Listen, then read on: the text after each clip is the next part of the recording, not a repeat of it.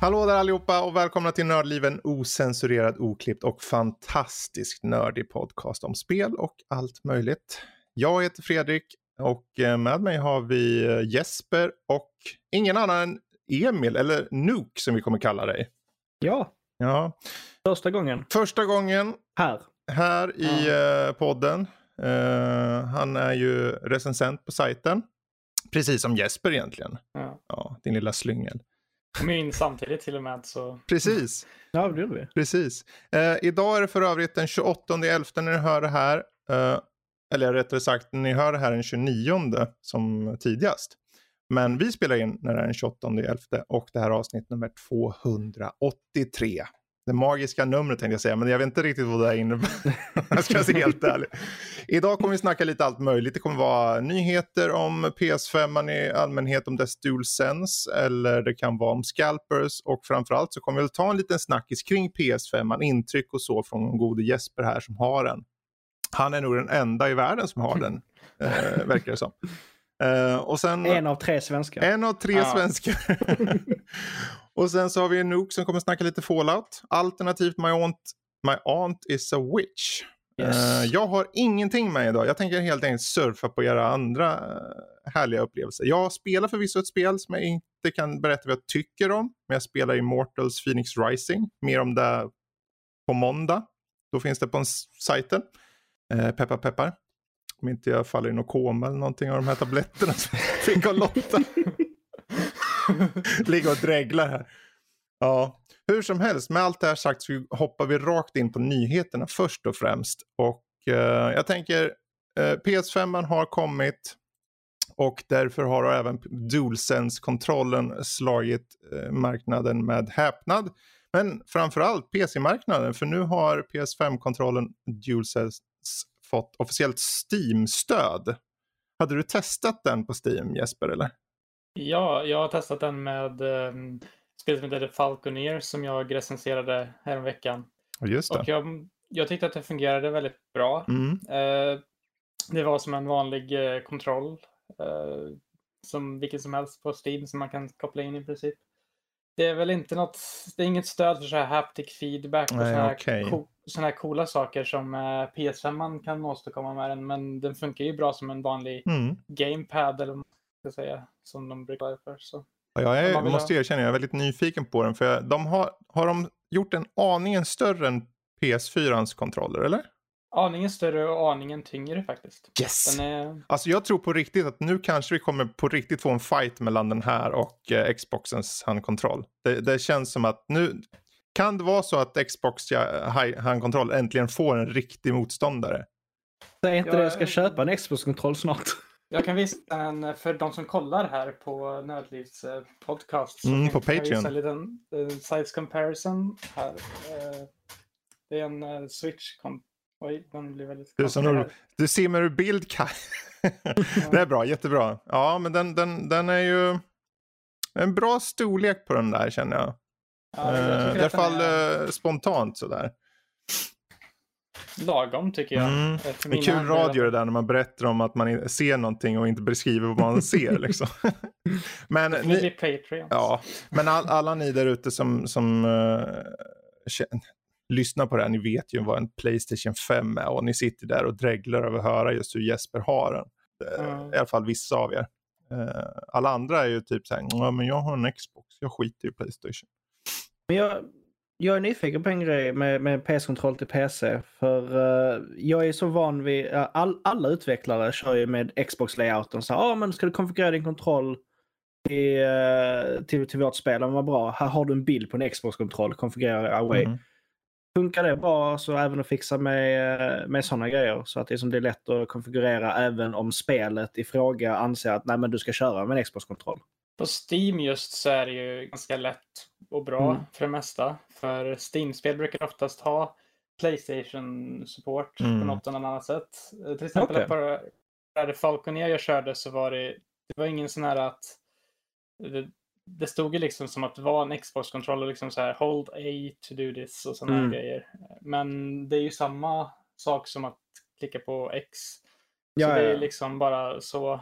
Man eh, måste, man måste bara lära sig layouten i huvudet Mm. lite grann för Mm. Och sen så är ju kontroll, alltså hur den sitter och knappar och sånt, det är nästan identiskt med eh, PS4-kontrollen kontrollen egentligen. Bara Ja. att den har den här create-button Mm. som är jättesmidig för om man ska ta screenshots och grejer och eh, broadcasta livestreams. Eh, jag testade ju livestreama här i torsdags lite grann. Eh, Eller nej, onsdags var det. Och det är jättesmidigt. Det är bara att koppla in sitt konto på Twitch och köra igång så och bara klicka på knappen Mm. så live- bara starta stream. Och det, Mm. Men Smidigt. Smidigt. Men eh, med det sagt så jag tänker vi hoppar bort från det här med Steam-stödet. Eh, och istället har vi en snabbis här. Det är ju Pokémon 25 års univers eh, universitet. Eh, anniversary. En ny logo. Logo. Det är mycket engelska. En logga har eh, visats upp. Jag vet inte, vad är de eh, spontana tankarna kring den här logotypen då, mina herrar? Vad jag har hört eh, och vad som ryktas eh, om vad de ska göra. Eh, de, de har ju sagt att de ska ha någon stor announcement Mhm. inom kort. Det är remakes på generation 4 Pokémon-spelen. Diamond and Pearl. Okej, är, det- är det typ de, de bästa liksom, eller vad? Det är mina första spel. Typ mina, en- bland mina första spel. Jag tänker rent så här generellt, den stora massan. Är det den som den stora massan känner? om? Det är de klassiska, det är den alla vill ha remakes på eller? Men det säger de, men det säger de om typ varenda generation. Jaha. Ja, Ja, för jag har ingen koll på liksom, jag har ingen koll på vad som är liksom, om det här är den bästa, vilken är den bästa Pokémon-spelet? Eller är alla liksom likadana eller vad? Det är ju jättesubjektivt, typ alla. Eh, jag skulle typ säga andra generationen eftersom att det finns två regioner att utforska där. Mm. Det är lite Finns de kon- som någon slags remake redan eller? Ja, de gjorde remakes till dem till DS. eh, Men och- det spelar ju ingen på. Nej, precis. Nej, men de har gjort remakes Ja, från okej. gamla generationer till nya generationer Mm. sedan Game Boy Advance. Så gjorde de Mm. Fire Red Leaf Green eh, Mm. som var på röd och blå, eller röd och grön som det är i USA. Då. Precis. Nej, i Japan menar jag. I Japan. Och sen eh, Heart Gold Soul Silver till DS. Ja. Och sen Omega Ruby Alpha Sapphire till 3DS. Och nu ryktas det om någon typ mhm, Diamond mhm, Pearl till eh, Switch. Då. Mm. Vilket inte är helt utanför frågan skulle jag säga eftersom att de ändå har gjort remakes på dem tidigare. Så varför ska de inte göra på de nya? Sant, sant. Vi får se i början av 2021 om det kommer något litet utannonserande där. Ehm, Mm. Vi hoppar vidare nu till alla de här härliga scalperserna som finns där ute. Vi- Och stör det roliga för alla andra. Ja. Mm. Eh, jag kan väl bolla över till Nooks. Du kan väl dra hela den här nyheten lite, eller Ja, händelsen. jag kan, ja eh, vi pratade lite om PS5 innan. Eh, och om, om, du, om du är intresserad av en PS5 så finns den ingenstans. Eh, förutom på Tradera eller Blocket. Mhm. Eh, du får bara vara beredd på att lägga 11-12 000 om du har tur. Eh, det är till och med så pass illa så att Sony gick officiellt ut i UK och sa att scalpers har officiellt påverkat deras försäljning i Storbritannien. Det är bland annat en organisation eller en grupp med människor som har köpt 3500 konsoler Mhm. och sålde till dubbla Mm. priset. Eh, och uh, jag tror även att det gjorts en intervju, eller de, de, de har i alla fall gått ut och sagt att vi ångrar ingenting. Det är så här marknaden fungerar. Ja, Live with it. alltså i, i nuläget finns det väl ingen lag mot det så. Nej. Det är ju, vill någon köpa 3500 PS5 och, och kan göra det så då får man ju det. Men det är ju ett jävla Ja. sätt. Det är det verkligen. Och det är väl många som fortfarande väntar på sina förhandsbokningar Ja. eh, långt in i mitten av nästa år eller något sånt. Precis. Så det, Du hade väl... eh, Du skulle få den i de- december, Fredrik, sa du väl? Ja, alltså eh, Preliminärt. det, det preliminära var ju en 4 december. Mm. mm. Men jag tror det när jag ser det. Ja, men Alltså, så var det ju för mig. Ja, för det också. står ju, ju, varje gång jag går in, för det är via Elgiganten, de hade ju det där och de släppte det här vid lanseringen. Och jag satt där som en hök och bara uppdatera, uppdatera, uppdatera. Och så gick det inte på morgonen för att eh, hela sajten gick ner igen och så. Jag tänkte, ja men det är väl kört. Men jag sitter på eftermiddagen för jag hörde från en vän att, ja men eh, håll ut, vid 12, då kommer, jag har hört, för jag ringde kundtjänsten sa, sa han. Så jag, ja men jag sitter vid 12 då. Och så satt jag där bara, och uppdaterade. hände ingenting. Tills plötsligt digitala versionen var tillgänglig. Jag tänkte, ska jag verkligen ska jag verkligen? Jag satt och funderade, ska jag verkligen? Och när jag tänker så och det tar så lång tid, då missar jag det också såklart. För jag satt Ja. som en nolla. Mm. Eh, men då satt jag bara kvar där och uppdaterade med en vanlig, för jag ville ha den med disk. Uppdatera, satt ett tag, läste en tidning. Eh, och sen bara kolla på något Mysigt. annat och helt plötsligt såg jag att det fanns en köpknapp. Jag bara, nu jävlar! Dick, dick, dick. Rakt in bara tryckte och det gick och jag fick igenom den. Och jag vart nöjd och det står preliminär eh, leveransdatum 4 december. Och jag tänkte, ja ja, kommer den i december är jag nöjd. Typ så. Mm. Eh, så vi får väl se. Eh, men jag ser, man kan ju se leveransdatumet och hela tiden när jag går in, loggar in och kollar så står det att ja, först, är det, först stod det två till fem dagars leveranstid och sen har det höjts hela tiden. Nu är det mellan fem och tio dagar. Står det. Så jag antar att det är någonting där som kanske kommer ta lite tid. Oavsett. Alltså, så, som, så som jag har förstått det så återförsäljarna vet inte längre. Nej, Eh, de det, känns som höftar. att, det känns som att det, ja precis. De, Ja. de höftar och hoppas på det bästa. Precis. Uh, spel och sånt här i Sverige till exempel som är väldigt öppna med hur deras förhandsbokningar Mm. går och sånt här. De gör ju till och med Instagram-videos och sånt här. De har sagt att vi vet lika mycket som ni. Troligtvis Precis. mindre. Precis. Uh, så ja. jag, Aha. jag, avbokade, jag avbokade min PS5.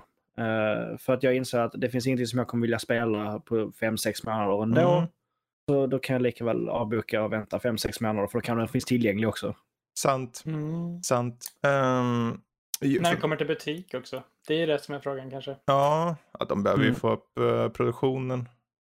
Men det är ju Mm. liksom, de har ju själva gått ut och sagt Sony att de ska producera nu under december. Vi får se hur, hur stor produktionen blir. Det är ju där, jag menar om du ska dra ut det rent, rent globalt så att säga. Så jag menar hur stor del får Sverige av den kakan? Det återstår att se. Ja. Eh, oavsett, det här med scalpers är usch och fy och jag tycker de ska ramla ner i en mangel. Eh, de är säkert jättesnälla någonstans. Ehm, oavsett, uh, ytterligare saker som inte finns tillgängliga. AMD slutar med referenskort till förmån för dyrare tredjepartskort. Du kanske vill elaborata lite där, vår gode Nook? Ja. ehm, de var ju väldigt kaxiga när de annonserade Mm. ut sina, sina nya kort. Och till och med så att eh, Frank Acer som är marknadsföringschef på AMD eh, var så kaxig så det var någon på Twitter som har sagt att uh, 10 bucks says AMD will be a paper launch. Om ni inte vet vad en paper launch är så är det helt enkelt att vi finns, men det finns kanske 10 kort. Mhm, Så vi finns på pappret men inte i verkligheten. Precis. Eh, så den här Twitteranvändaren sa 10 bucks says AMD will be a paper launch. Och Frank Acer då, han svarar I look forward to taking your 10 bucks. Mm. Där, där är då i september. Famous last words. Lite grann. Famous last words, precis. Eh, så som det ser ut nu så har referenskorten kommit ut. Och de är lika mycket pappersrelease Mm. för att det kommer ut 10 referenskort till, per återförsäljare. Precis. Och vi är inne i samma, i samma grej igen, att det, den köps upp av scalpers och säljs vidare. På ett Så sätt har ju faktiskt om det, det är lite skamligt ärligt talat. För jag tycker om det har den här imagen av att det är de som är för folket på något sätt. Det är de Mm. som ger de här produkterna som kostar lite mindre men du får mycket prestanda och så. Och de ska finnas så det, så det räcker till alla. Så som det har rapporterats hittills så har de haft färre kort Ja. än Nvidia. Eh, hos återförsäljare. Alltså vi snackar 5 till 10 precis som du sa där. Kort liksom per eh, återförsäljare. Och det är alltså. Jag fattar inte riktigt hur de, hur de har tänkt där. Ehm, De hade tjänat på att vänta till årsskiftet. Ja, jag fattar inte varför de inte bara gjorde det. Men det, ja, nu är det gjort. Antagligen, bok, antagligen bokföring. Det är Alltså Förmodligen. för att det ska, se, det ska se bra ut i årsskiftet. Precis. För just det här med att eh, MSRP-priset, alltså listpriset, eh, har satts lågt också. Eh, Mm. Och sen nu de kort som har kommit ut, de har ju inte hållit sig till den priset heller. Så, nej, Priserna har ju varit på 7 och 5 och uppåt. precis. Så det är liksom just det här med argumentet för AMD som det billigare alternativet, du får samma prestanda. Men i ärlighetens namn, när jag själv tittar nu så har jag tänkt, alltså jag tänker ju inte ens titta åt- AMDs håll så länge de håller på på det här sättet. För ett, Ja. jag vill ju kunna streama. Streaming-funktionaliteten är ju helt död på AMD. Mm. Mm. Och sen så visst, du är jämnt, det är jämnt eh, skägg mellan dem och en, eh, Nvidia på viss, många plan. Och det är där de vinner, de får det billiga alternativet. Mm. Men Jag vill att det ska funka från start och det finns de som har börjat, det börjar rapporteras nu om de här jävla uh, drivrutinsfelen också. Om det har dragits med på förra generationen. AMD, AMD har aldrig varit duktiga på drivrutiner. Som, eh, som någon som har varit mer eller mindre livslång Team Red. eh, Den enda, den enda Intel-produkten jag har är en laptop. Och det var för att det fanns ingenting Mm. som AMD, AMD fanns inte på laptops Nej. när jag köpte den mer eller mindre. Alltså, Eh, mm. Så är det, drivrutiner funkar nästan aldrig. Nej, Släpps det, släppte ett nytt storspel, bra, uppdatera drivrutinerna, spelet Just kraschar. nu Yay. sitter de dock i en, det är en intressant sits nu känner jag. För de här två jättarna nu, Nvidia mot AMD. Vad det handlar om nu är inte så mycket att eh, det ena kortet är bättre än det andra. Det handlar om vem får ut sina kort först. Just nu är det ett race. Ja. Den här generationens vinnare, det blir helt enkelt den som lyckas producera grafikkort och få ut dem inom kort. Eh, I regel brukar det här fönstret från att, alltså i regel är ju alltid, alltid lansering av grafikkort, det är dåligt med kort. Det är en standard. Men att gå ut och säga att du ska finnas mer än vad du faktiskt gör, det är ju inte så bra som kanske AMD gjorde i den där lilla betten där. Nu var det Mm. en individ, bör påpekas. Ehm, men det brukar ta kanske två, tre, två månader för att normalisera och få ut ett utbud. Säga att kanske framåt peppa peppar runt februari. Så, så förhoppningsvis har vi fått igång produktionen och det finns för alla att köpa. Men då är det, är det, den som det, är har... det rapporten har sagt också. Mm, Att eh, februari 2021 är ungefär då de räknar med stabilitet på marknaden. precis. Och då, då tror jag, så, eh, ursäkta ordet, men köpkåta som folk är just nu. Så handlar det om den som producerar och får ut dem först, den vinner kan man säga. För den, Ja. de, de kommer gå, gå som smör i solsken, bara smälta bort liksom. Så, men det är just det här Mm. problemet angående just att PR-avdelningarna de hypar upp, eh, hypar upp produkterna innan publiken vet ens om den är bra eller inte. Och i och med att tillgängligheten är så låg så blir det ju alla köper i säcken då också. Det är ju Mm. hur många va- valde att vänta in recensioner. Eller bara titta Som någon kommer, som influencer. kommer ut liksom. två dagar innan release. Ja.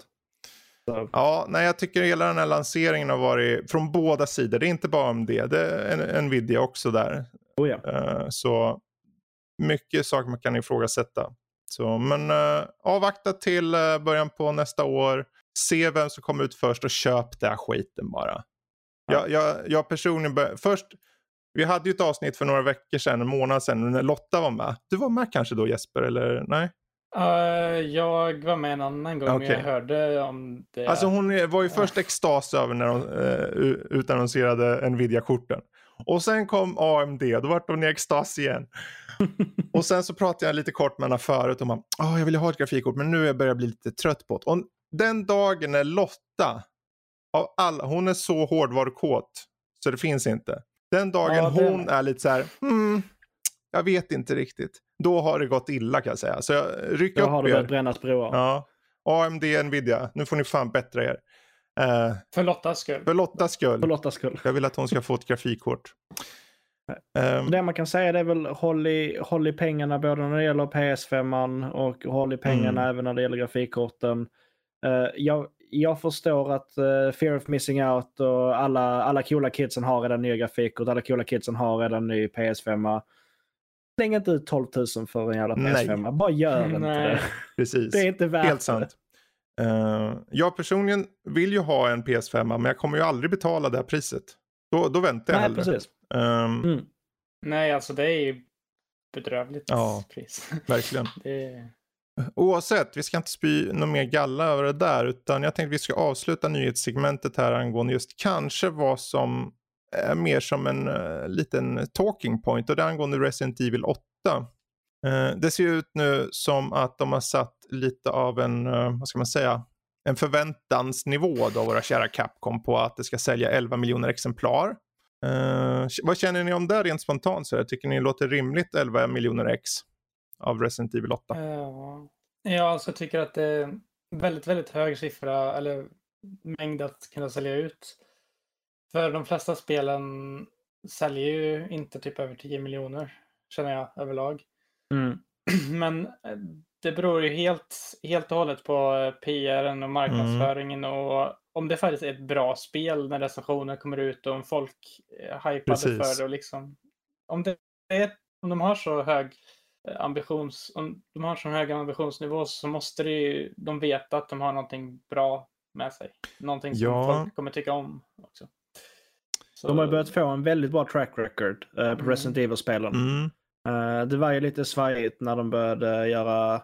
Det det var någon Resident Evil-spel som de döpte till någonting som inte var Resident Evil för att spelet var så fruktansvärt dåligt så att de försökte bara låtsas att det var någonting annat. Jag minns inte, det var, det, jag, tror att det, var en Code Veronica eller något sånt. Det var något, det var något sånt där FPS-spel Mm. som de bara, nej men eh, det här är Resident Evil men det är inte Resident Evil för vi vill inte associeras med det. Code Veronica tror jag folk tyckte om. Jag är inte Ja, det var, ja, ja, det var, det, det var ganska nyligen. eh, För några år sedan. Revelations? Nej. Kanske, ja, det var det Nej, var för jag någonting vet sånt. inte. Men eh, överlag så ja. Ja, jag, jag kom på, jag vet vad du pratar om men jag har glömt Ja. av namnet på det. Det som var Precis. så sjukt dåligt som var typ Ja. buggigt och Ja. typ, ja. Det var det hände mer, helt enkelt inte. Vi bara låtsas att det inte hände så blir lite mer åt anime-hållet typ. Ja. Eller något. Ja. Eh, nej, för jag, för jag, jag slutade spela Resident Evil efter trean. Uh, för, oh, herregud vad blir det? Efter 10 plus år trean? Resident Evil 3, eh, Playstation 1. Oj då. Ja, det var ett tag sedan. Ja. Ja. Eh, sen så nu, eh, så faktiskt under eh, den här Black Friday-rean så var det väldigt mycket digitala reor. Så jag har faktiskt köpt Resident Evil 7. Okej. Nu är det, så nu, nu ska jag ge den en ärlig chans Mm. och se om Resident Evil är så bra som alla säger. Ja, just den tycker jag personligen är riktigt bra. Det lilla jag har kört den. Jag, fast jag är ganska harig av mig så jag satt ju och höll på att skita knäck hela tiden. Ehm, men eh, den och sen egentligen, men du har inte testat de här typ Resident Evil 2-remaken och det där? då? Nej, Mm. inte, inte något det. All right. Funderat på att skaffa två remaken faktiskt. Jag har inte kört den. Nej, okej. Den ska, den ska vara så otroligt bra eh, säger folk. Så. Den är bra. Den är bra. Eh, bra, men jag tänker just för eh, Resident Evil, för mig personligen jag såg trailers för den här Village eller Resident Evil 8 då. Jag, jag känner bara att jag vet inte riktigt vad de vill göra för någon slags spel. Det känns som att de, ja men det är varulvar och det är vampyrer och det är, jag eller ja vampyrer vet jag inte, men det känns som att det var så mycket bara. Jag bara, vad är det här? Är det Resident Evil eller vad? Vart är zombiesarna? tyckte inte det såg så jättemärkvärdigt ut. För jag ska vara helt Jag trodde ärlig. först det var något så här Van Helsing-spel. Det såg ut som det var i, så här, i Transylvanien eller någonting. Tänkte. Och som någon liten gumma bara Jag ska äta ditt Anus. Ja. Det är någon kult tror jag. Någon Ja, Alltså har de, alltså, när slutade de med T-viruset? Är, inte det som är hela grejen? Att det är ett T-virus i, i storstan och så... Ja, Eller det, det, det, det var länge sedan. jag Nu hoppar något, ju Nu är det mycket. något Outlast-liknande liksom. Till skillnad från dig som körde åtminstone trean. Jag körde ju lite på ettan och sen, och sen tror jag lite på tvåan hos en kompis. Och sen körde jag aldrig någonting för att jag Mm. vid, den, vid den tiden så körde jag inte den här typen av spel då. Men nej, jag plockade ju upp sjuan först liksom och den tycker jag är jättebra stämning. Men jag vet inte riktigt vad den har, att göra så fullt ut med Resident Evil. Jag vet ju att det finns länkar där, särskilt på slutet som vanligt. Men eh, den här är ju lite så här, å andra sidan det blir det spännande att se hur de ska knyta ihop det liksom. Ja, alltså de gick ifrån typ lite survival horror till typ ren action i femman och sexan Mm. har jag förstått. Och sen gick de tillbaka till det här horror fast ännu mer med första person som att det blir liksom ett riktigt, riktigt skräckspel. Precis, precis. Det har det inte varit innan vad jag förstått med eh, typ ettan till fyran. För då är Nej, mer det är tredje, persons eh, tank controls. Uh, Ja. Skjut Ja. inte på någonting, hoppas att du överlever. Precis. Mm. Ja, tankcontrollerna. Fy fan. Det var det som fick mig att bara, nej jag tänker inte köra det här något mer. Det här suger.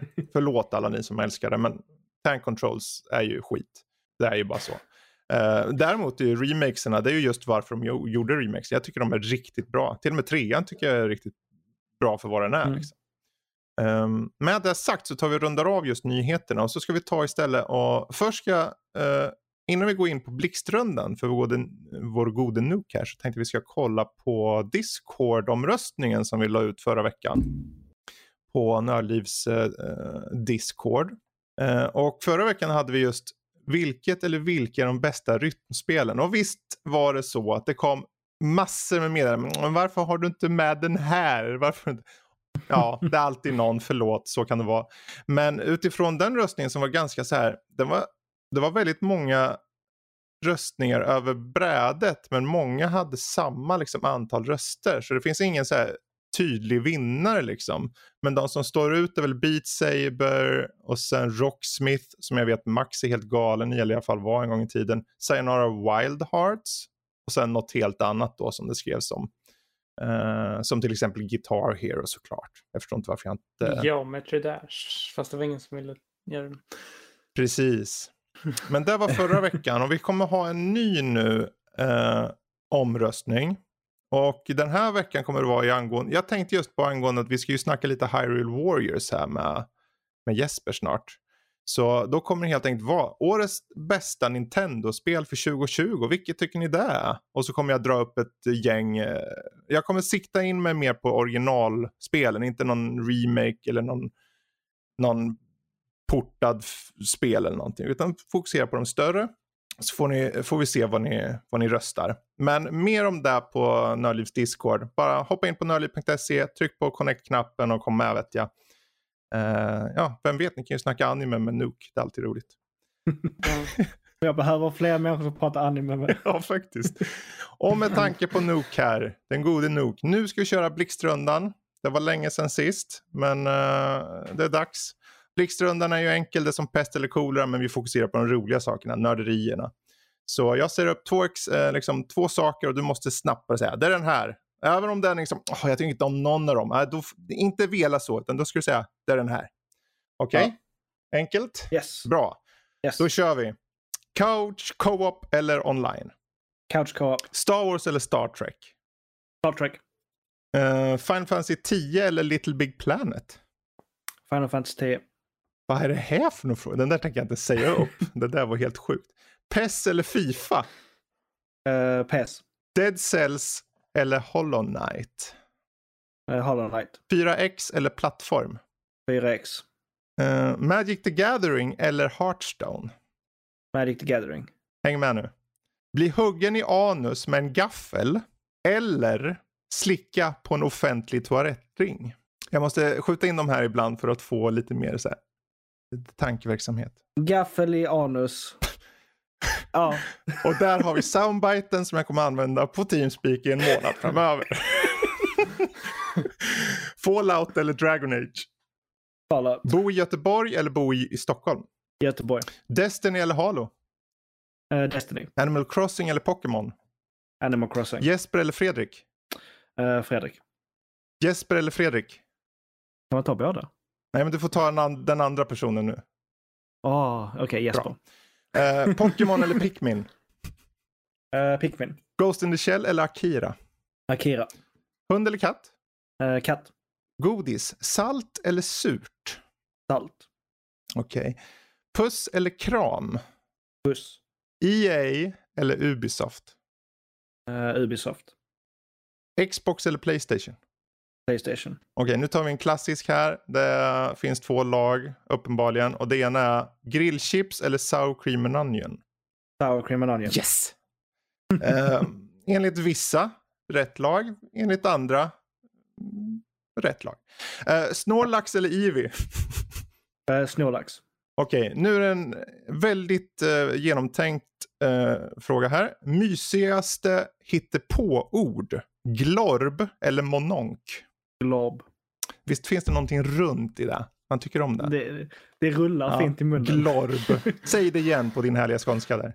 Glob. Ja, det är bra. Det tycker vi om. Ja. Bamse eller Tintin? Bamse. Mario eller Zelda? Mario. Blått eller rött? Vad är det för en jävla fråga? Det är Marios färger. Ja. ja, det är sant. Uh, blått. Yes. Eh, Netflix eller YouTube? Uh, YouTube. Arnold eller Stallone? Oh, gud. Det, det, oh. Uh, hmm. Stallone. Okej. Hundratals timmar open world eller ett par timmars koncentrerad spelupplevelse? Ett par timmars koncentrerad spelupplevelse. Bra, bra, bra. Marvel eller DC? Marvel. Det är bra att ni orkar med så här länge, kära publik. Vi fortsätter. Vilken är värst? Tvätta eller diska? Uh, tvätta.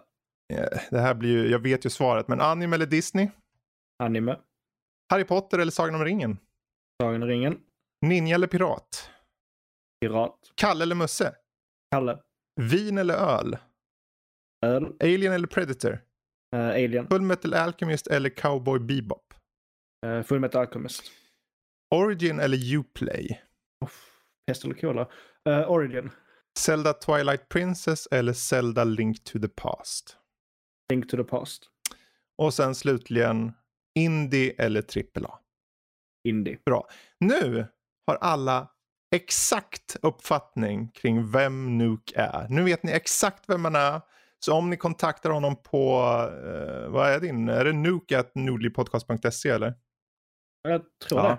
Och så kan ni ju fråga dig, ja men nu vet jag vem du är, så då kan ni ju prata med honom om, ja, Mario eller Precis. Uplay eller något sånt där som han älskar. Bra. Eller en gaffel. Eller en gaffel. Den klassiska gaffeln i anus. Fy fara. Gaffel i anus. Jag vet inte, någon gång har jag... Det, vissa av de där var egentligen riktade mot vissa specifika nördlivare, tro eller ej. Och den där kommer jag inte ihåg vem den var riktad mot. Men det var uppenbarligen skrivet just för en specifik person. Så jag, vet, det, jag måste forska i vem det var.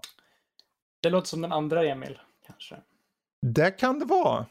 Mm. Han gillar lite sånt. Eh, men han är... han gillar... Nu lägger ju, nu lägger ju ord i mun på honom. Eller ord i anus kanske. Nej, nej. Vi ska gå vidare. Ja, vi går Ja. vidare. Och eh, för att gå till någonting som alla faktiskt vill veta mer om och som vi definitivt har tagit upp till viss del är ju PS5. Jesper. Playstation 5 finns i din ägo och dina första intryck. Vad, vad känner du om just konsolen i sig då? Eh, du, ja, du får börja vilken ända du vill. Alltså, Som Emil sa. Nej, förlåt. Det kan, jag har inte riktigt bestämt mig helt, men det kan vara en av mina favoritkonsoler jag någonsin har haft i min ägo. Så. Du, du ska inte låta det väldigt- gå ett par månader innan du... Jo, men eh, vad Okej. jag känner hittills Ja. med eh, vad mina första intryck är jämfört med första intryck av andra konsoler jag Jättekul. så är det liksom, jag tycker att UIn och allt, det är Mm. smidigt, lätt att liksom navigera saker. Storyn är jättelätt att komma Mm. in i. Spe, spel startar upp på två sekunder, sen spelar man. Eh, precis som på typ Switch, eh, där man kan starta upp med en gång, fast här är det att man kan starta upp stora mastodontspel. eh, Ja, jag vet inte om allt Eh, går igång jättesnabbt på Switch. Ska... För mig är det liksom, Jag man menar- startar och sen ska man ladda in ett spel, tar en kvart liksom. Men, eh, Jag menar med det här med rest mode. Att ja, så spelet rest mode. Ja, ja. Ja, ja. Mm. Hoppa in och ut. Ja, det var Mm. det jag menade. Sen är väl mina största tankar om vad jag, varför jag gillar konsoler så mycket är nog egentligen eh, vad jag fick testa i Astros Playroom, Mm. eh, tech-demospelet med Mm. eh, eh, kontrollen ja. och hur eh, nice den är i olika, den, vad den kan få för, eh, vad man kan få ut av den i framtiden. Eh, just nu tror jag inte så många spel kommer att kunna utnyttja den här kontrollen till fullo eftersom att många spel även släpps till PS4 och sånt och då lägger de väl inte lika mycket kraft på att använda Mm. den här haptic feedbacken och sånt skulle jag inte tro. Men om två, tre år Mm. skulle jag nog säga att och det är ju, man känner ju verkligen av saker som underlag, vad man går på, motstånd från, eh, man skjuter pilar till exempel, eller ja, alltså det är svårt att förklara med ord, men eh, man måste hålla i kontrollen och spela Mm. för att själv förstå. Och sen att kontrollen i sig är väldigt ergonomisk för mig. Jag tycker att den är väldigt härlig att hålla i. Man kan hålla i den väldigt länge. Utan att... Det är ändå intressant så här, för jag tänker rent, alltså hårdvarumässigt så, jag menar det här med att det ska gå snabbt och SSD och allting. Eh, rent utseendemässigt så kommer de ha raytracing och allt det, men det, jag vet inte, för mig är det inte som att jag tänker så mycket på det mer som jag tänker, ja men jag får en ny kontroller och den här kontrollen ser ut att vara någon form av evolution ändå. Det känns som att det är en påtaglig skillnad i den. Det är det som är viktigt. Alltså jag tycker kontroll, konsolen och sånt, det är väl, det är väl en grej. Den, den är riktigt nice, men jag tycker kontrollen är så, in, så pass innovativ Mm. att den verkligen gör konsolen för mig på något sätt. Mm. Att Den, jag vet inte om det var en illusion, men när jag spelade Spider-Man Miles Morales, som för övrigt är så här på sina laddningstider på PS5. Alltså det finns ingen laddningsskärm eller någonting överhuvudtaget. Precis. Du klickar, klickar på fast travel till en point. Du är där med en gång, man ser ingenting. Det är helt fantastiskt. Det är något vi har Eh. lärt oss av historien också. Att eh, en, en konsol är inte starkare än sin kontroll. Mm. Alltså, som Ataris, Ataris Dustlock var ju en av de starkaste konsolerna som någonsin har gjorts. Men deras kontroll var ju inte gjord för någon form av mänsklig, eh, mänsklig användning. Liksom. Bara utomjordisk. Ja. Ja. Det skulle säga om Miles Morales med kontrollen, det är att man typ kan känna lite av den här haptic feedbacken ändå när man typ svingar sig Mhm. mellan byggnader och sånt. Det är rätt, alltså det, det ger en slags immersion, eller vad man ska säga. Jag vet inte om det är det svenska ordet för det. Men Inlevelse. Alltså man, man, in- inlevelse, ja. Man får en väldigt inlevelse i spelen och det är ju typ lite det som jag tycker spel är till för Mm. också. Att liksom ta en till Mm. den världen man ska vara i, i spelet. Liksom. Att Precis. man känner att man är en del av världen och det har inte spel kunnat göra på samma sätt som med den här kontrollen, Mm. tror jag innan. Ja, jag tänker Ja. det, det, det intressanta här blir eh, som, som en många konsoler. Jag sitter ju med Xbox Series X och det blir lite så här nyhetens behag också just det här med att man sitter och bara åh det här gick ju snabbt. I kontrast med andra konsoler. Mm. Eh, det blir intressant att följa upp på den här. Jag tänker om ett år eller någonting. Man liksom har vant sig vid någonting och sen kanske eh, kör på PC eller man kanske kör på kanske en gammal konsol, en switch eller whatever. Liksom, då får just eh, en mer tydlig skillnad. Så jag tänker, där ska vi följa upp på dig. Ehm, Mm.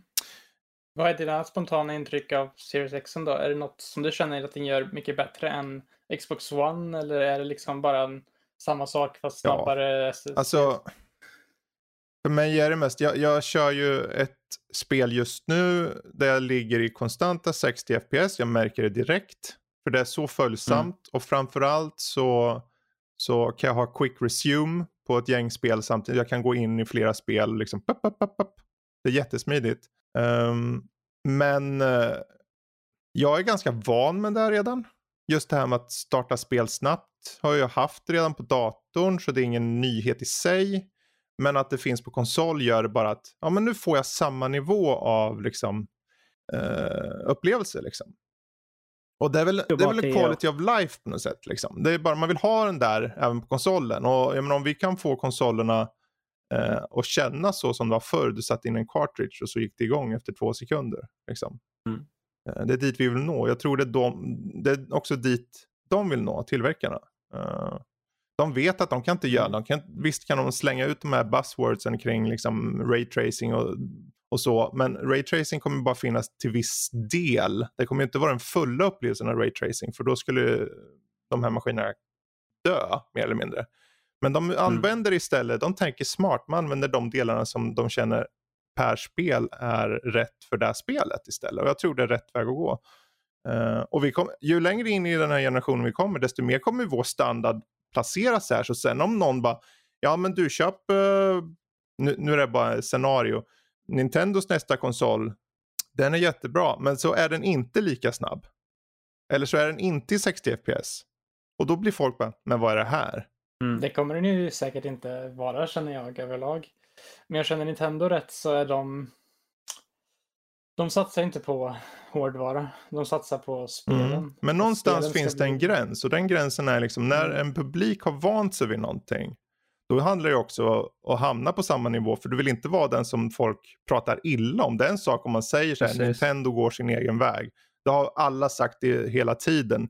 Men även nu, det är bara att ta Hyrule Warriors eller vilket spel som helst. Det är det jag ska ta upp sen. Ja. Att den, hade, den hade nog eh, varit, gjort sig bra av en lite nyare Man kan ju variant tänka också, jag menar, om, om en enhet faktiskt levererar spelen på ett bra sätt så får det också spelen att sälja bättre förmodligen. För om Mm, ordet ja. går ut där om att ja, men Hyrule Warriors är jättejobbigt att spela. Nu säger inte jag att det är det, för jag vet inte vad det är. Eh, men om det skulle vara så, då finns det säkert alltid någon som bara, ja men rent hårdvarumässigt, då vill inte jag köpa det spelet. Precis. Ja. Ehm, Och vi är ju, och vi är liksom så här. Vi har ju nyligen kommit över ett eh, full HD som standard. Eh, de, de sista, de sista HD-ready tv-apparaterna de, de sitter och ruttnar i någon, eh, i någon sophög det, någonstans. ja. Liksom, vid det här laget. Så nu, så nu, är det, nu är vi vana vid full HD. mm, Nu är ju nästa steg att vi ska bli- vana vid 60 FPS. ja. 60 FPS på Och- 4K dessutom. Vilket finns Mhm. ett... Ja, men, det är, eh, men, det är en lyx, men det är en lyxvara. Absolut, det, men jag menar vad, vad folk, vad som är egentligen den nivån som de själva har satt det på. Ja, Sen huruvida ja, vi, för mig personligen så räcker det med 60 fps. Jag kör ju på skärmen, jag kör ju inte på tvn eh, och då har jag 1440. Men Mm. då å andra sidan kan jag på Xboxen, jag kan välja variabel eh, refresh rate och 120 fps läge. Mm. på, liksom från start. Så att den ställer in det då när jag startar ett spel som har stöd för det, då kommer det bara gå igång. Som i Dirt 5 till exempel. Um, och det tycker jag är jättebra. De går, det är upp till dig som användare. Gå in och ändra liksom, eller ta bort eller sätta någon standard. Uh, men, Ja, vad, är det, vad är det Playstation kallar sin sån mode? Är det performance mode och uh, Ja, beauty fidelity. mode? quality och performance Fidelity. brukar det kallas. Men det, Quality det är samma över båda. Mm. Det, heter, eh, qual- det heter performance mode och fidelity Mm. mode. Men det är ju Fidelity från mode. spel till spel. Du väljer utvecklarna i sitt spel att välja som en liten... Ja. Ja, Spider-Man Miles Morales har till exempel det. Att man kan eh, köra 30 FPS eh, Ray Tracing 4K Mm. eller köra 60 FPS eh, utan Ray Tracing. Jag skulle ta 60 FPS Eh, rakt av. Ja. Jag skulle testa säkert det raytracing. Jag skulle absolut slå igång den raytracing och ta en kik lite Mm. sådär. Absolut. Uh, det skulle jag nog göra. Men Det gör ju inte så, så, jättemycket just i det spelet heller skulle jag säga. Men Ja. det är ju inte riktigt full Ray Tracing heller. nej, så det är det ju liksom- inte. Det är mer shadows och reflektioner. Eh, Det är ju inte fult till 60 FPS. Det är Nej, inte nej. så de menar. Det är bara att den är in, lite mindre. det är min... Ja, du, Fidelityn är väl kvar. Det är bara att den inte har reflektionerna och uh, skuggen, skuggorna. eh, som ges. Men med det sagt, jag menar, om ni vill höra mer angående Xbox eh, Series X så är det bara att lyssna på förra veckans avsnitt där jag tog upp det.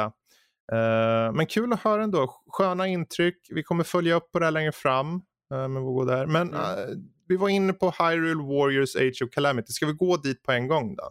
Ja, visst. Ja. Eh, till att börja med, vad, vad handlar det om? Eh, det, det är en lite rolig historia, för först trodde jag och nästan alla andra att det skulle vara en uh, rakt av prequel till eh, Legend of Zelda Breath of the Mm. Wild. Som utspelar sig hundra år innan The Great Calamity. Alltså, eh, om du har spelat Breath of the Wild så är det ju Målet med det är ju att man ska besegra den här Calamity Ganon som har lagt, uh, ödeslagt hela Hyrule uh, för hundra år sedan och att Zelda står i slottet och väntar på att Link att komma och rädda honom eller lä- rädda världen. Och eh, att det här utspelar sig då när han gör det. Men snabbt när man börjar spelet så går saker inte riktigt som man har tänkt att det ska gå. Det kommer en liten eh, mini-guardian som de kallas från en annan dimension. Eller inte en annan dimension utan från en framtid och saker och det skapas typ ett alternativt Mm. universum. Så det är inte riktigt en prequel för eh, storyn går inte dit Breath of the Wild Nej. leder. Eh, Jag gissade jag- nästan det, ärligt talat. För jag tänkte det, det är en sån annan spelstil och så, så det kändes som att ja, det, det skulle inte förvåna mig om de gör någon så här alternativ tidslinje eller någonting. Men jag skulle dock inte säga att det är onödigt eller dålig story. Jag tycker att storyn Mm. är riktigt intressant. Och eh, en av eh, anta- antagonisterna, eh, Astor, som han heter. Astor? Eh, han heter Astor. Det ska jag döpa om mig själv Eh, till. Astor en Olsson. eh, fort- fortune teller. Ja. Eh, han, det ryktas om att han möjligtvis finns i Breath of the Wilds universum också. Okej. Och, eh, fast att han har typ levt i skuggorna. Eh, och att han har varit med och plottat hela den här Great Calamity.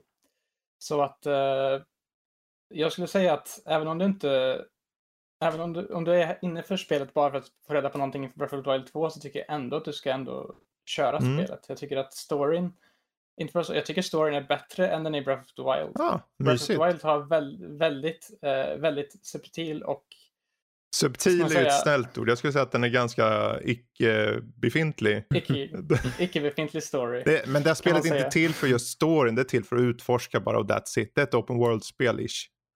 Mm. Det är ju inte då Hyrule Warriors Nej. Of Calamity. Det är ju ett musospel som det kallas Precis. för, eller Warriors, Dynasty Warriors spin-off, eller vad man ska Ja. säga. ja, men det är ju Koei Tecmo li- som har gjort det. Så. Mm. Med väldigt stor influens från Nintendo Mm. när det kommer till eh, writingen och grejer. Omega Force heter utvecklarna. Mm. Och det är ju att du ska hacka och slasha, liksom bara klicka på knappar i, så snabbt du kan Mm. bara slå dina fiender till döds, typ capture outposts med fiender och döda bossar och Mm. sånt. Eh, och det är ändå lite element som är från Breath of the Wild i det här spelet. Till exempel uh, Kika-runorna som han har. De här uh, Cryonis, Stasis, uh, Magnesis och Bomber. eh, som man använder i Breath of the Wild för att lösa pussel. Använder man här mot bossfiender och Mm. liknande för att få ner deras stagger gauge så att de kan bli träffade i weak points och grejer. Så det finns ändå element som liksom förs över från Breath of the Wild. Så jag skulle säga att det, det är ingen spontan, alltså det, det känns som en blandning på ett bra sätt mellan Breath of the Wild och eh, Warriors-serien. Men då kommer vi till det som är mest eh, illa med det eh, spelet och det är ju då frameraten. Det, det känns verkligen som att det är helt ooptimerat i vissa strider. Liksom, det bara tjuggar ner till typ 10 FPS när det är för många fiender på Ja, skärmen. ända ner dit. Jag tänkte att den Ja, var i ju- 25 eller någonting. Det var, ju typ, det var det jag tänkte på. För när jag, för när jag tänker på Warriors-spelare så tänker jag ju... Där är fiender överallt och jag, jag spelar ju eh, originalspelserien och jag är ju van vid... eh, här kommer min lilla gubbe. Jag är omgiven av eh, 5000 fiender och nu är det en enda stor, eh, en enda stor dimma av blod överallt. Jättebra, jättekul. Mm, Ja. Dimma av blod. Och switchen är ju inte riktigt känd för att hantera mer än eh, liksom Marios röv på skärmen. Liksom. Ja, och det är lite det som är problemet. Att för det mesta så är det ändå helt okej. Mm. Det kanske håller sig runt 45 eller någonting. Men sen ibland i vissa strider där det är liksom... När, speciellt när det är många bossfiender som är lite speciella. Att de har liksom mycket liv och stora och har attacker och grejer som är... De är bossfienderna är i princip samma som i Breath of the Mm. Wild. De fungerar ungefär på samma sätt. De har typ samma attacker och sånt. Mm. Så när de kommer in där och inte bara står där som en vanlig statisk fiende så när det är för många sådana på samtidigt tror jag att det skapar någon- slags dissonans mellan spelet och det blir väldigt, väldigt laggigt. Ja, alltså är det många fiender, det är mycket AI så hålla reda på. Det är ju CPU-fråga där. Eh, det blir ju mycket Mm. för. Det är ju inte mer än så. Um, utöver grafiska då. Men eh, trots det så är det ändå ett kul spel verkar det som. Ja, jag tycker att det är riktigt Mm. bra annars när det kommer till alla, nästan de mesta andra grejer förutom det och sen typ lite små kamerabekymmer i vissa situationer. Men när det kommer till storyn och sånt så tycker jag att nästan det är värt att spela bara för det, för att den har väldigt många twistar och sånt som man inte riktigt ser komma. Eh, Och det finns väldigt, väldigt mycket att Mm. göra. Det är så mycket side-uppdrag man kan göra på kartan som låses upp efter varje... Det är vad vi behöver i år. varje Fler open world-spel. ja. Det är inget open world-spel, det är ju ett uh, mission-spel. Okej, ska så man går från punkt A till B och sen till C och sen och så vidare? Nej, det, det är på banor. Liksom man sätter sig in i banor. eh, där man ska besegra fiender på. Men det låses upp en typ, du vet världskartan i Breath of the Wild. Mm. Man har den i det här spelet också. Men det är uppdrag man gör på den. Som är på Mm, olika banor. Okej. Och det blir, blir väl liksom, efter varje main quest och grejer man gör så låses det upp mer side quest. Så det bara pluppar på kartan som dyker upp överallt. Och typ, jag tror det finns över typ 200 side activities eller Oh. något. Ja. typ Assassin's Creed Valhalla. Nej. Ja, Nej, jag, jag har ju funderat på att skaffa det här. Jag har funderat på att skaffa det. Ja, och det är inte så mycket spelet i sig som att du berättar om att du har det här med kanske framerate problem och sånt som får mig att backa lite. Det är mest som att jag har suttit med Assassins och sen eh, sitter jag nu med Immortals Phoenix Rising och sen sitter jag förmodligen med Cyberpunk. Jag vet inte om jag kan köra det här. Rent tidsmässigt Ja, alltså. alltså. Jo, men alltså du behöver inte göra något av de här side-grejerna egentligen. Ja, man behöver inte. Men om man sitter där, då, då gör Precis, man ju det det. det Men om jag betalar för det också, då, då, kommer jag, då vet jag hur jag är. Jag kommer vara så här, jag har ju ändå betalat för det här. Jag måste ju göra de här nu. Vill du ha lite perspektiv så klarade jag ut det på 35 timmar tror jag.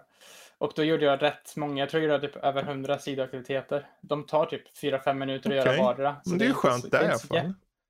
Det är inte så jättefarligt. Om du, ska, om du tänker Mm. i Assassin's Creed eller typ Cyberpunk så tror jag att de tar otroligt mycket mer tid än det här. Ja, Men Men det är ändå lite synd. Ja.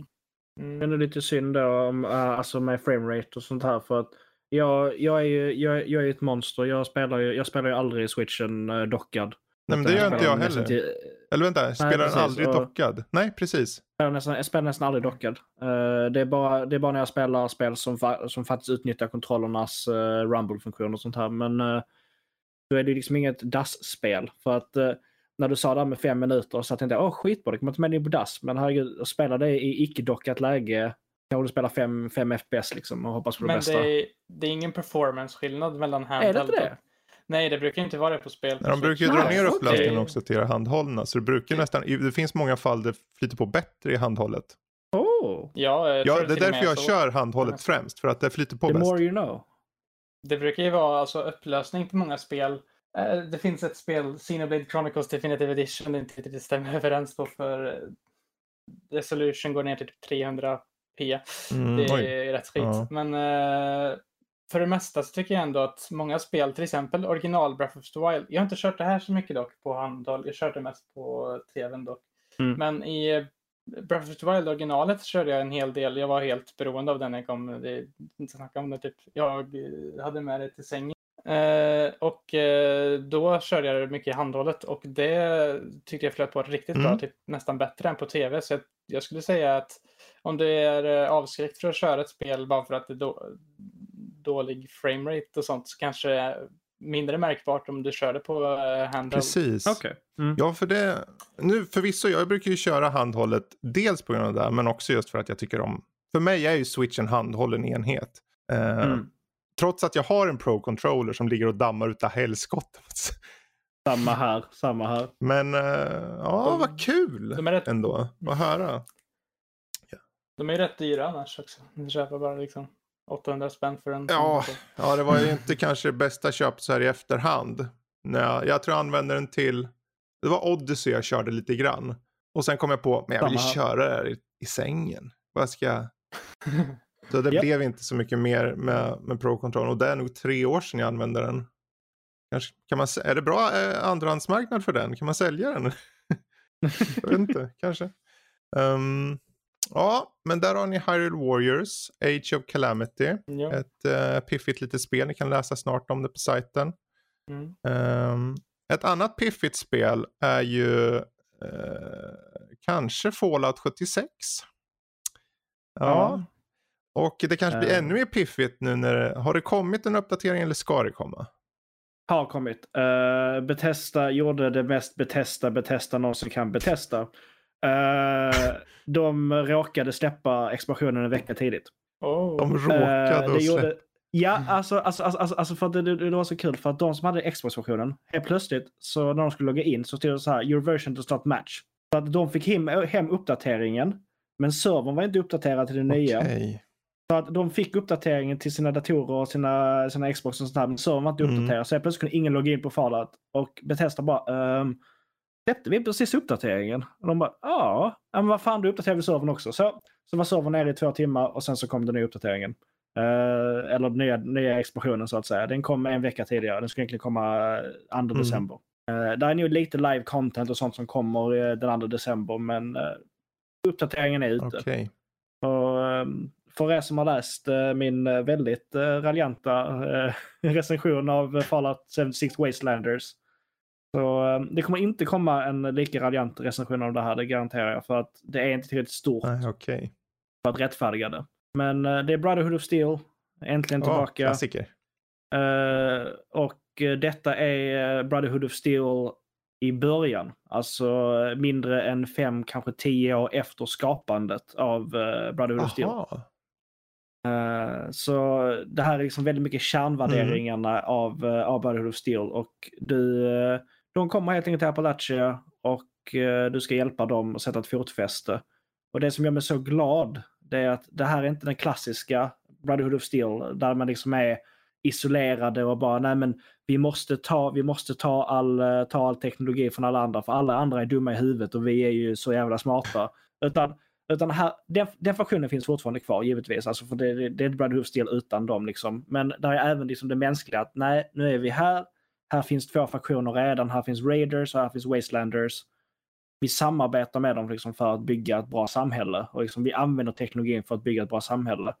Och det finns mycket hintar. Alltså jag, jag kan snacka i timmar om Fallout och speciellt lore och sådana grejer. Men det finns ju hintar i alla andra Mm. Fallout-spel om att eh, det fanns en debatt inom eh, Brotherhood-rörelsen om man skulle använda teknologin till någonting gott eller om man helt enkelt bara ansåg att vä- mänskligheten var för dum för att kunna använda teknologi.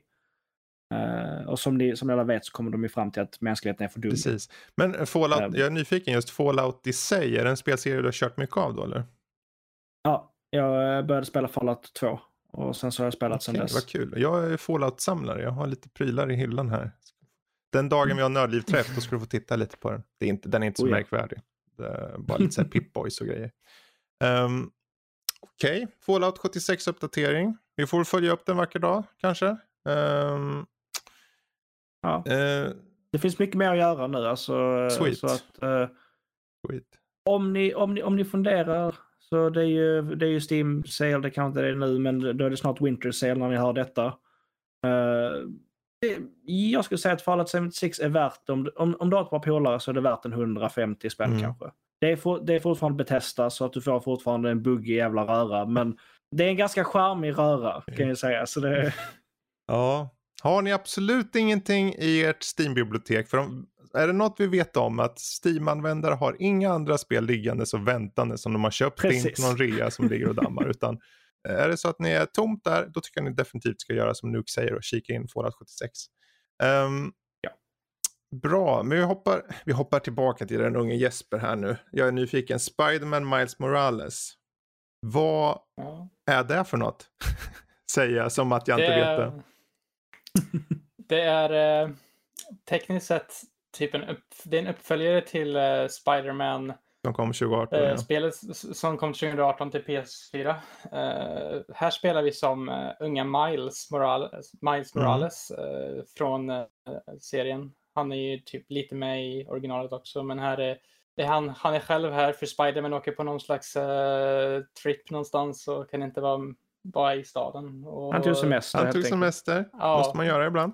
Och då får Miles eh, göra saker till rätta för sig själv i Harlem, den lilla by- delen av eh, New, York, New York som det här utspelar sig i. Eh, och eh, jag personligen tycker att storyn i den här, det här ganska korta spelet, det tog mig typ 12 timmar tror jag att köra Okej. igenom. Eh, att jag tycker att det är väldigt komprimerad och bra Mm. upplevelse. Vad skönt med Det ett kortare sina- spel. Förlåt jag avbryter. Mm. Det-. Ja. Ja, det är skönt. Även om det är typ ett open world med pluppa på kartan som Mm. vi pratat om tidigare. Man går runt och göra lite sådana saker och svinga sig runt i staden. Och jag tycker att eh, det är en väldigt intressant eh, story i Mm. den. Väldigt hjärtevärmande story och nästan lite så här, man blir nästan lite gråtfärdig i slutet för det är så vackert på något sätt. Ja, Jag vill inte Nej, säga men finns det någon premiss för, för det? Liksom? Ah, Okej, Spiderman original Peter Parker, han är borta och Miles Morales får uh, plocka upp facklan. Liksom. Och är det någon stor Ja. bad guy som är den, där han vi ska följa, liksom slå ner? Det är ett företag som heter Roxxon. Okej. tror jag de heter. Ett eh, stort eh, så Evil Guy Corporation. Mhm. Och sen finns det även ett till för, eller ett till eh, liksom Evil Guys och de kallas det de eh, heter The Underground och de leds av en person som kallas för The Tinkerer. Jag tänker. Och den, det är en väldigt intressant villain. Jag vill Nej, inte säga så nej. mycket mer om den. den. Men eh, den gör spelet till ett väldigt... Storyn gör, görs mycket av Mm. den villen Precis. eh, som är där. Och sen tycker jag även att Miles som karaktär är väldigt eh, mysig och bra. Han eh, har ett gott hjärta och han dessutom så gör han, den som gör rösten till Miles gör ett väldigt bra jobb Mm. och härmar den. Sen tycker jag att, eh, ja, det är ett väldigt härligt spel. Jag skulle säga att det är typ bättre än Spider-Man PS4 på många sätt. De har ju den här nya, i combaten och liksom hur man rör sig runt i staden är egentligen samma som i eh, Spider-Man PS4, förutom en grej och det är att eh, Miles har någon slags blixthand. Mm. Liksom, han, har en slags, han kan absorbera blixtenergi som man kan använda i strid. Som man kan göra olika attacker till. Och det kan han även använda sig i eh, när han åker runt, eller han svingar sig runt i staden genom att typ chargea upp eh, för att få typ extra hopp och grejer. Så det gör även liksom utforskandet mer roligt med Mm. eh, den nya abilityn.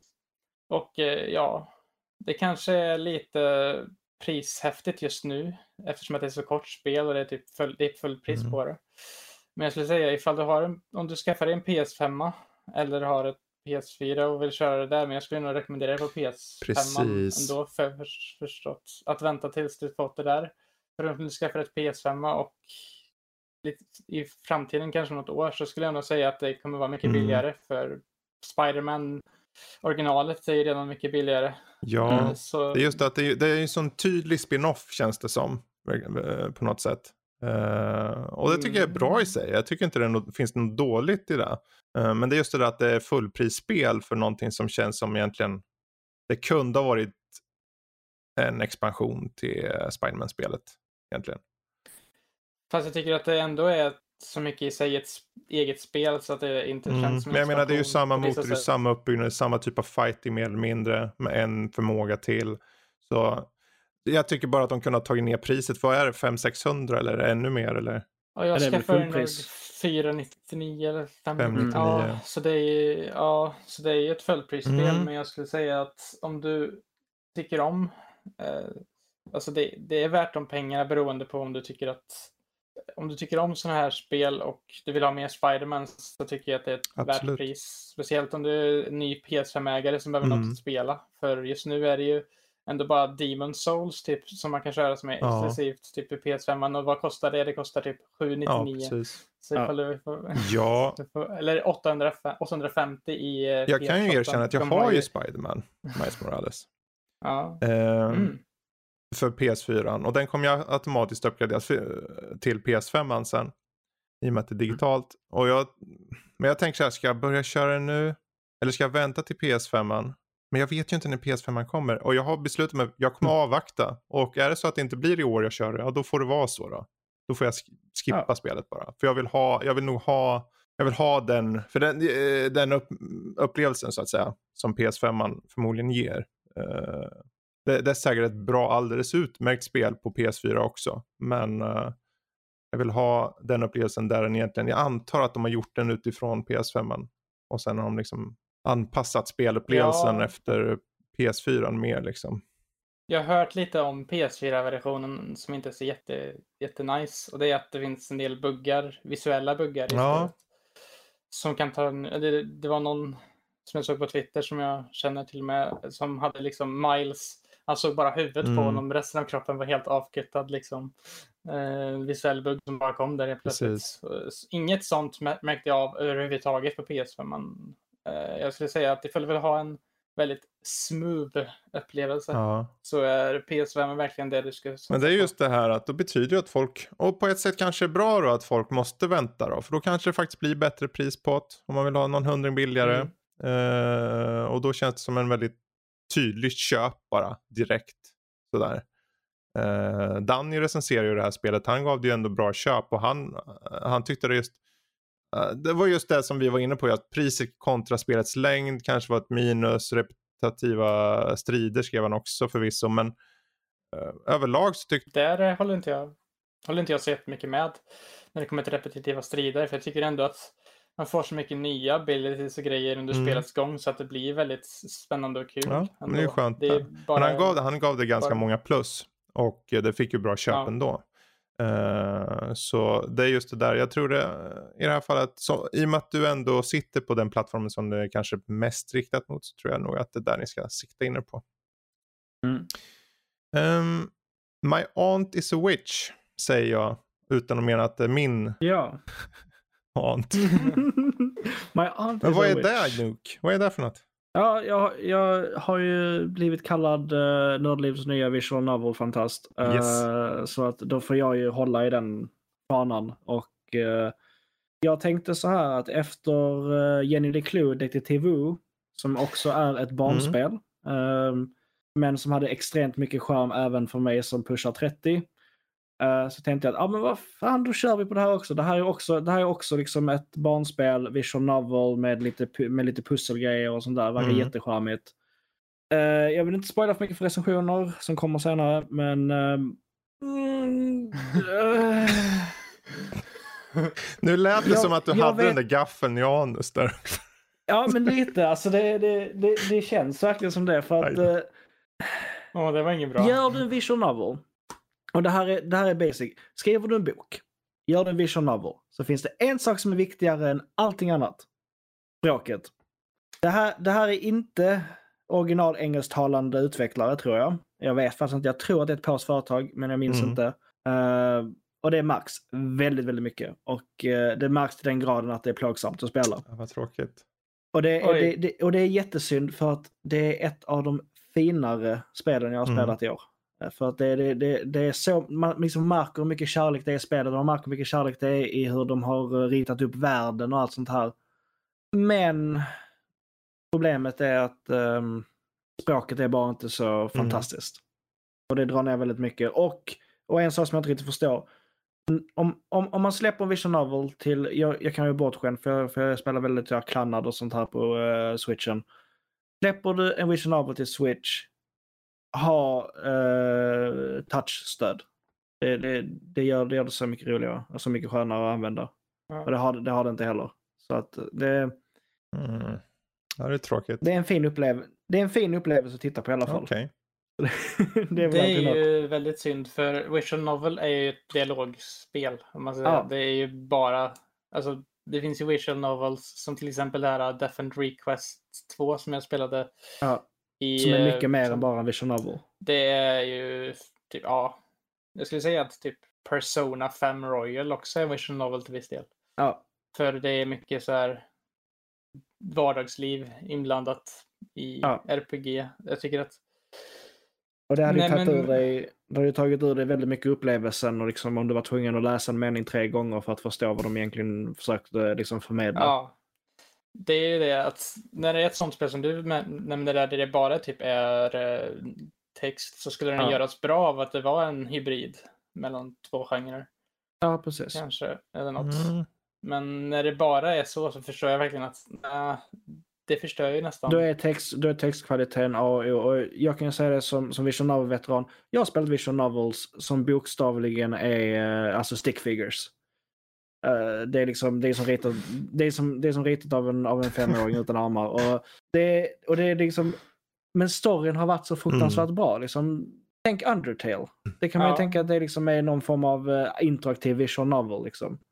Det är inte så jäkla fint Nej. egentligen. Det är väldigt simplistiskt. verkligen. men liksom, Det det är är, fint på ändå liksom ett fantastiskt spel. Det är ju riktigt bra spel. Och det är, ju- Eh, och, och det är liksom tack vare storyn och texten. Och en uppmaning till alla Vision Novel-skapare som lyssnar på detta, jag vet inte hur många det är, kanske två, tre, men sätt lite extra krut på uh, core-läsning. Ni, ni, ni vinner väldigt mycket på det. Ja. Ta, kontakta Nördliv, eh, Emil Ja, precis. Nördliv. Så, så kan han korreläsa åt er. Jag så gärna. ja, ni får väl eh, kika in på sajten vad det lider så får ni mer uh, in-depth vad gäller just uh, My Aunt Ja. is a Witch uh, när recensionen släpps. Um, apropå recension, du satt ju med The Falconeer uh, Jesper. Ja, just det. Ja. Mm. Vad är det här för något spel egentligen? För jag, jag, jag såg bara, okej, det är någonting man rider på en falk eller något, eller vad? Ja, alltså det är ju ett open world-spel i grund och botten på ett öppet hav som kallas för The Earth. Okej, Som är, det är bara ett stort öppet hav med en massa allianser av falkryttarmänniskor som typ eh, åker omkring okej. med olika grejer. Bara öppet typ- hav, inte några ett- båtar ett- eller öar eller någonting?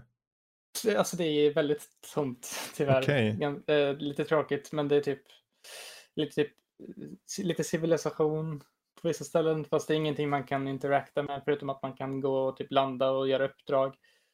Det är ju i första hand också ett shooterspel när man skjuter med sin fågel på eh, typ fiender. Men det är lite så här arkad-shooter-känsla då? Att du liksom åker runt och liksom bara... Om du har spelat, om du har spelat Star Fox-spelen Mm. eller något liknande så är det som Mm. free roaming-delen i det. Fast man är på öppet hav med fågel eller falconeers, falkryttare. Okej. Liksom. Jag skulle inte säga att det är något jättemärkvärdigt spel. Det, det är snyggt i sin grafik tycker jag. Det gör sig, eh, det är väldigt liksom, det är väldigt, väldigt liten utrymme på det. Det är typ en gigabyte. Ja, den har ju inga de texturer. Det är ju väldigt känt för bra. att inte ha några texturer i hela spelet. Ja.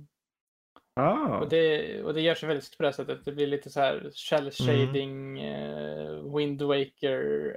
Precis. Jag tycker det gör sig väldigt bra på som många då kan köra. Det blir väldigt kompatibelt på de flesta datorer och grejer. Så det är Ja, mig veterligen är det också en raytracing-titel för konsoler. Så Mm. det, om man vill ha det. För det är mycket så här, eh, vad heter det, Eh, väderförhållanden och åtminstone liksom sol och vind och sånt. Åska. Ja, åska och sånt. Åska mycket för att det är, åska är en stor mekanik. Att man absorberar åska för att kunna få mer kraft i sin fågel. typ. Okej. Okej. Det, ja, Men, men för mig som, jag, jag, jag, jag gillar shoot ups. Eh, speciellt eh, klassiska 2D arkad shoot ups. Me och too. sånt där. Är, är, det, är det en bra alltså shoot 'em up? För det, det känns ju som att det liksom är köttet av spelet. Med tanke på att det finns ingen riktig värld och det finns liksom ingen riktig... Utan du ska, du, du ska skjuta ner andra fåglar som jag förstår det. Alltså, tyvärr inte det bästa skulle jag inte säga. För det känns väldigt simplistiskt. Det finns ju bara det här typ vanliga skottet man har. Man har inget specialskott eller någonting. Och sen är kontrollerna väldigt skumma också. För du kontrollerar din fågel med hur du styr den. Och hur du, eh, hur du siktar med samma spak. Så det blir väldigt så här, svårt att hålla koll på fiender när man lockar. Till och med när man har lockat på fienden Mm. så är det svårt att liksom Mm. Få, få sikte på den tycker jag. Och att det är någonting, man kan ställa in olika kontrollinställningar men vad man än gör så är det så. Så det blir jätte... Mm. Det, jag tycker att de hade kunnat göra mycket mer med combaten, kanske ge lite mera riktiga power-ups. Man kan få starkare skott och grejer men det blir ju aldrig liksom mer utvecklande än att du gör mer skada typ. Så det, Okej. ja, det hade kunnat göras mycket, mycket mera Ja, det är tråkigt att höra för jag, jag såg lite på det i förhand. Tänkte att det här kan ha en potential. Ser lite unikt ut. Har en intressant visuell Mm. stil och så vidare. Men eh, ja, det är bra att veta hur läget ligger. Eh, Lite intressant story skulle jag Okej. säga ändå. Det har ju så här, det har lite mystik i sig ändå med eh, världen. Man får reda på mer om hur världen kom till och lite sånt under tidens gång. mm. Det typ var en drivfaktor för mig att vilja fortsätta spela det.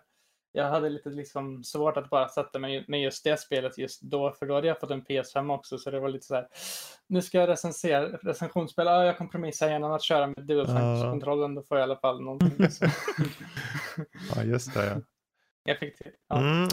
Men eh, jag skulle fortfarande säga att om du gillar sådana här spel så kanske det är värt att kolla upp lite videos och sånt på den då. För Ja. jag är inte så jätte, jätte insatt i den här genren.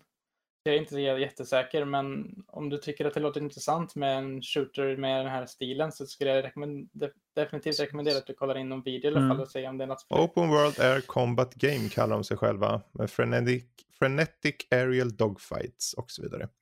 Eh, ni får väl kika in dem om ni tycker det låter intressant som Jesper säger. Med det sagt så ska vi ta den sista grejen för idag. Jag tänkte vi ska ta och hoppa tillbaka till vad vi pratade om i förra avsnittet och det är ju Assassin's Creed Valhalla. Ehm, och eh, vår gode Jesper har ju lirat där. Jag är nyfiken på vad dina intryck är av det här hittills. Du hade kört vad då, fem timmar? Är du fortfarande i Norge då? ju... Ja, det, det, Då har du inte spelat det är början. så mycket. Nej, jag vet, men eh, jag har typ kört... Halvvägs genom Ja. tutorialen. Ja. ja. Jag har kört, jag tror det är typ, det står i kapitel 4 i Norge eller något. Eh, jag har gjort typ några, Mm. några uppdrag, fått lite nya abilities, tagit några pluppar på kartan. Uh, fått typ så här någon melee ability så jag kan typ kasta massa yxor. Mm. Så här. Och sen eh, lite sådana saker. Eh, jag tycker att det är en intressant värld ändå än hittills de har skapat. Vissa saker känns lite off, som vissa karaktärers utseende tycker jag ser lite där skumt ut.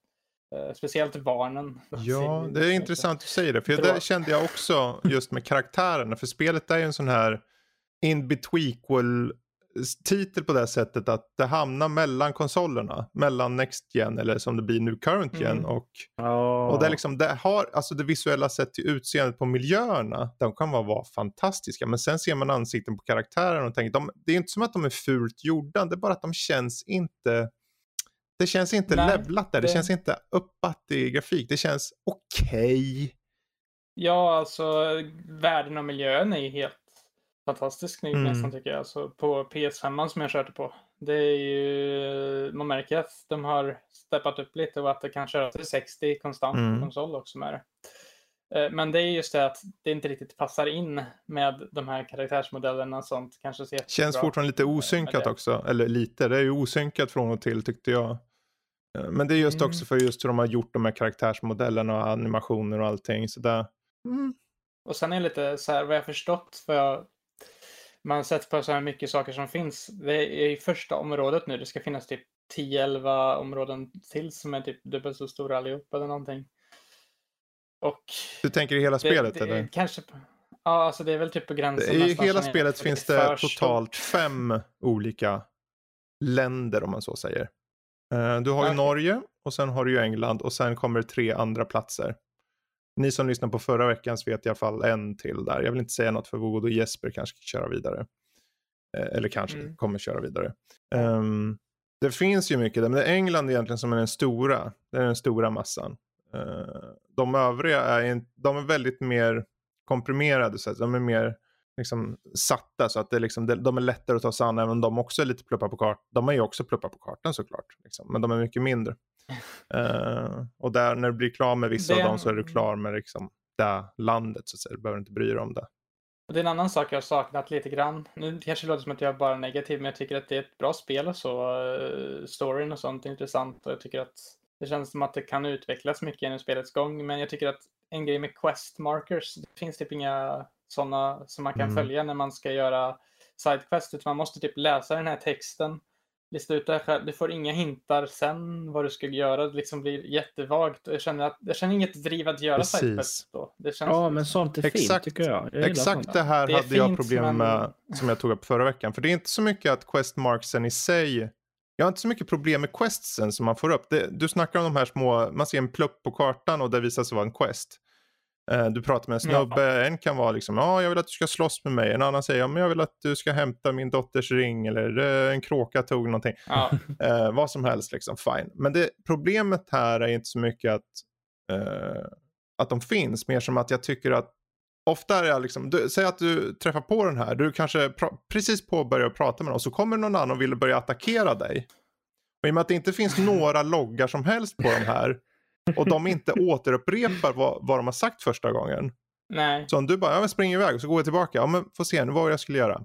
Jag trycker på och försöker kommunicera med karaktären, den säger ju inte ett skit. Du bara, ha, jag måste gissa mig fram nu. Okej, fine. Ibland många- kan det vara mer ja. tydligt. Okej, det kanske är som står i en kyrka, han, inte, han står och mumlar om att han inte får ljus. Okej, det kanske behöver mer ljus. Ibland är det bara någon som står ute i det öppna bara, ja men hjälp mig då. Ja men hjälp mig då. Ja men hjälp mig då. Man bara, ja men vad ska jag hjälpa dig med? Men hjälp mig då. Man bara, ja men jag skit i det här. Så jag tycker där borde, antingen köra på, jag menar det är ändå i slut, det här är ett spel. Ett spel är ett spel, är ett spel. Så bättre att ha en questline, liksom, åtminstone ha så att du antingen har en tydlig logg eller att du åtminstone kan trycka på gubben för att få samma repliker igen. Mm. Det kan de med. Ja. jag kan, Det tycker jag. det, är inte, det är allt man kan begära tycker jag, någon av dem. Det finns en anledning till varför man slutade få anteckningsböcker när man köpte Big Mm. Box-spel på 90-talet till slut. Mm. För att de kom på att ja, men vi kan ju ha den här anteckningsblocket i spelet Precis. istället. Ja, alltså de kunde ju lagt in typ så här en eh, quest. De har ju ingen typ så här traditionell eh, questlog som man har i vanliga, eh, som i många typ Witcher Mm. 3 och sånt. När Mm. man ser liksom de här sidequesten har du accepterat och där finns en beskrivning på de här nu som du Ja, kan det vore följa bra. om vad de har sagt. Här är det ju bara typ, vad jag förstått, eh, main quest Ja. som du har en logg på vad du ska göra. Ja, Och sidequest är bara pluppa på kartan som du typ läser den här anteckningen eller gör som den här personen Mm. säger typ en det är gång. en sån dålig kontrast känns- här är problemet. För att de här, när du snackar main quest, då snack, man ska ju göra assault, man ska ta över hela delar av kartan. Man ska gå till tjejen i sitt eh, hemläger eller vad man kallar det. Och så säger ja men jag vill att vi ska ta, och, ta det här området på, i England. Och så sätter du ner kniven i kartan och säger okej det är här du ska ta vägen till. Och du kan välja vilket Mhm. som helst område som helst då. Du kanske har tre börja, som du får börja med. Eh, Men då får du en specifik plotline för den regionen. Och så får du en berättelse. Och det är fine and dandy. Men den är ju å andra sidan jätteutstakad. Som att det liksom, de, de nästan knuffar dig fram jäms med resans gång. Ja men gå åt det här hållet, gå åt det här hållet.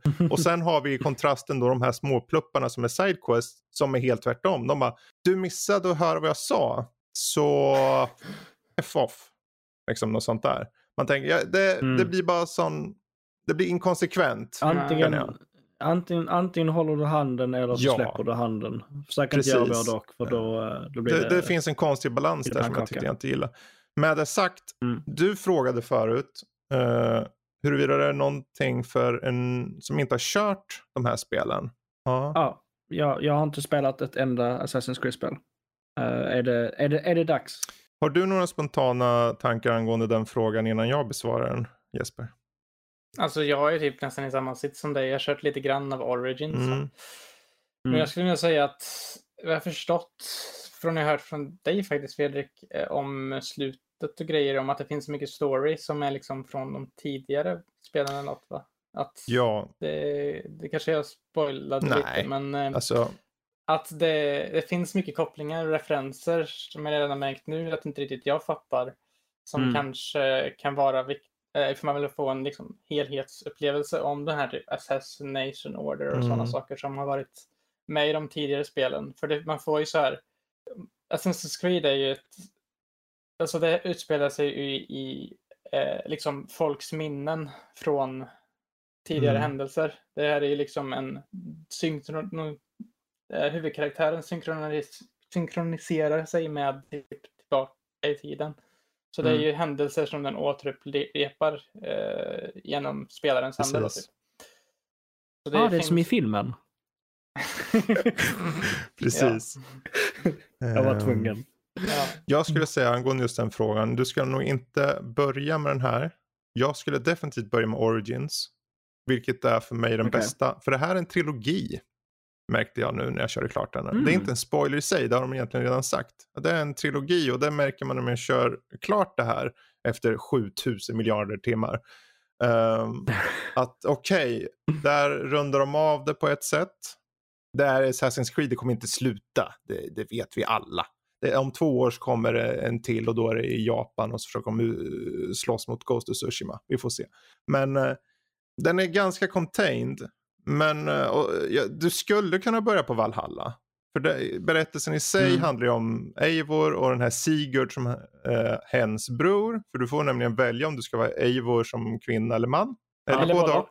Ehm, och du kan när som helst under spelets gång byta. Det har ingen påverkan på storyn alls.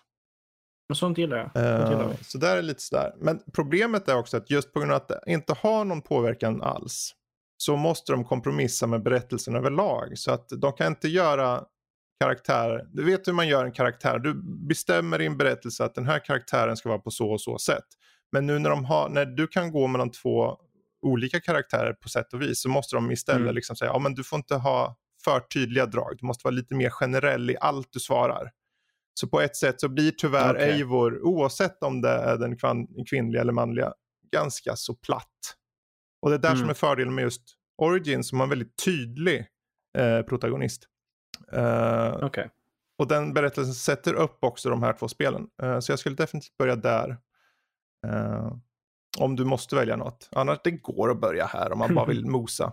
Grundberättelsen funkar. Men eh, ja, nog om det.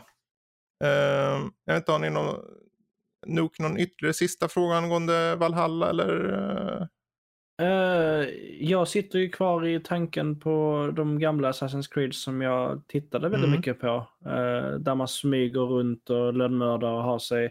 Det jag har sett av Valhalla så är det en jäkla bärsärkargångsmaskin som springer med yxan i högsta hugg Mm, och hoppas det är på det mycket bästa. besärkargång och du kan liksom göra raider och grejer och tuta i ett stort horn och så kommer du och massor med män Ja, bara bara män och kvinnor och Ja, bara precis. manglar ett kloster. Eh, men Men det är men mer. eh, stealth finns betydligt mer i den här än de två tidigare. Eh, den är Okej. ganska onödig för mig personligen.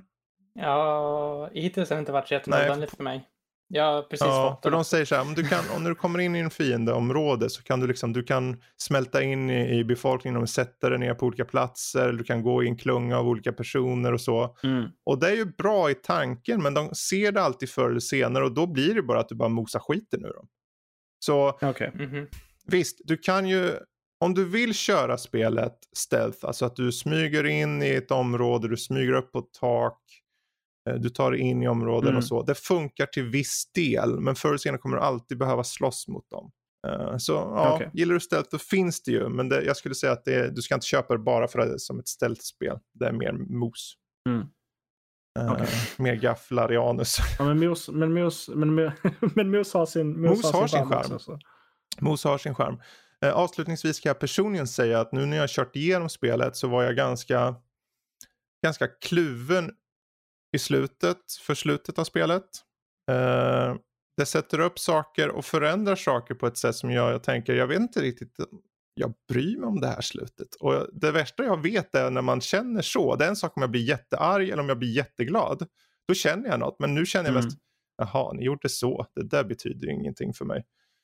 Men jag hoppas att ni där ute inte tar det som att Ja, men jag vill inte röra det här då. Det, kan vara, det är resans gång som gäller här. Det är journey. Det är inte slutmålet. Det är vad Valhalla är. The Ja, jag gör. tänker det är plupparna på kartan man är ute efter och det vet man. Liksom. Så om ni gillar pluppar på kartan så kan det ju definitivt vara värt att titta in. Det, är- det, är- det är i slutändan ett Ubisoft-spel. Ja, det är ju det. Ja, Eh, Det är pluppar på kartan som Vilket blir gäller. intressant nästa vecka när jag förhoppningsvis är med och kan prata om Immortals Phoenix Rising som är ett spel som kanske liknar på vissa sätt men andra inte. Men mer om det då. Jag får inte säga så mycket mer om det. Eh, vi ska runda av här. Jag tänker jag vill tacka först och främst er två som var med idag, Nook och Jesper. Jättekul. Eh, och är det så ni vill eh, se mer av dem så är det bara att hoppa ut på nördliv.se och läsa deras recensioner eller gå in på Discord. Det finns en liten stor knapp där på första sidan. Connect står det. Hoppar ni in, skriver direkt till Jesper och säger hej, Falconer, hur flyger man egentligen? Ta det med honom. Gafflarna det tar ni direkt i Nook däremot. Precis. Ja, ja. Hur som helst, är det någonting övrigt, ni vet hur det är. Info at nordlivpodcast.se alternativt at nordliv.se på Twitter eller på Instagram så får ni tag på oss. Så. Då får jag tacka för mig så ses vi och hörs en annan gång. Hej då allihopa! Hej då! jo.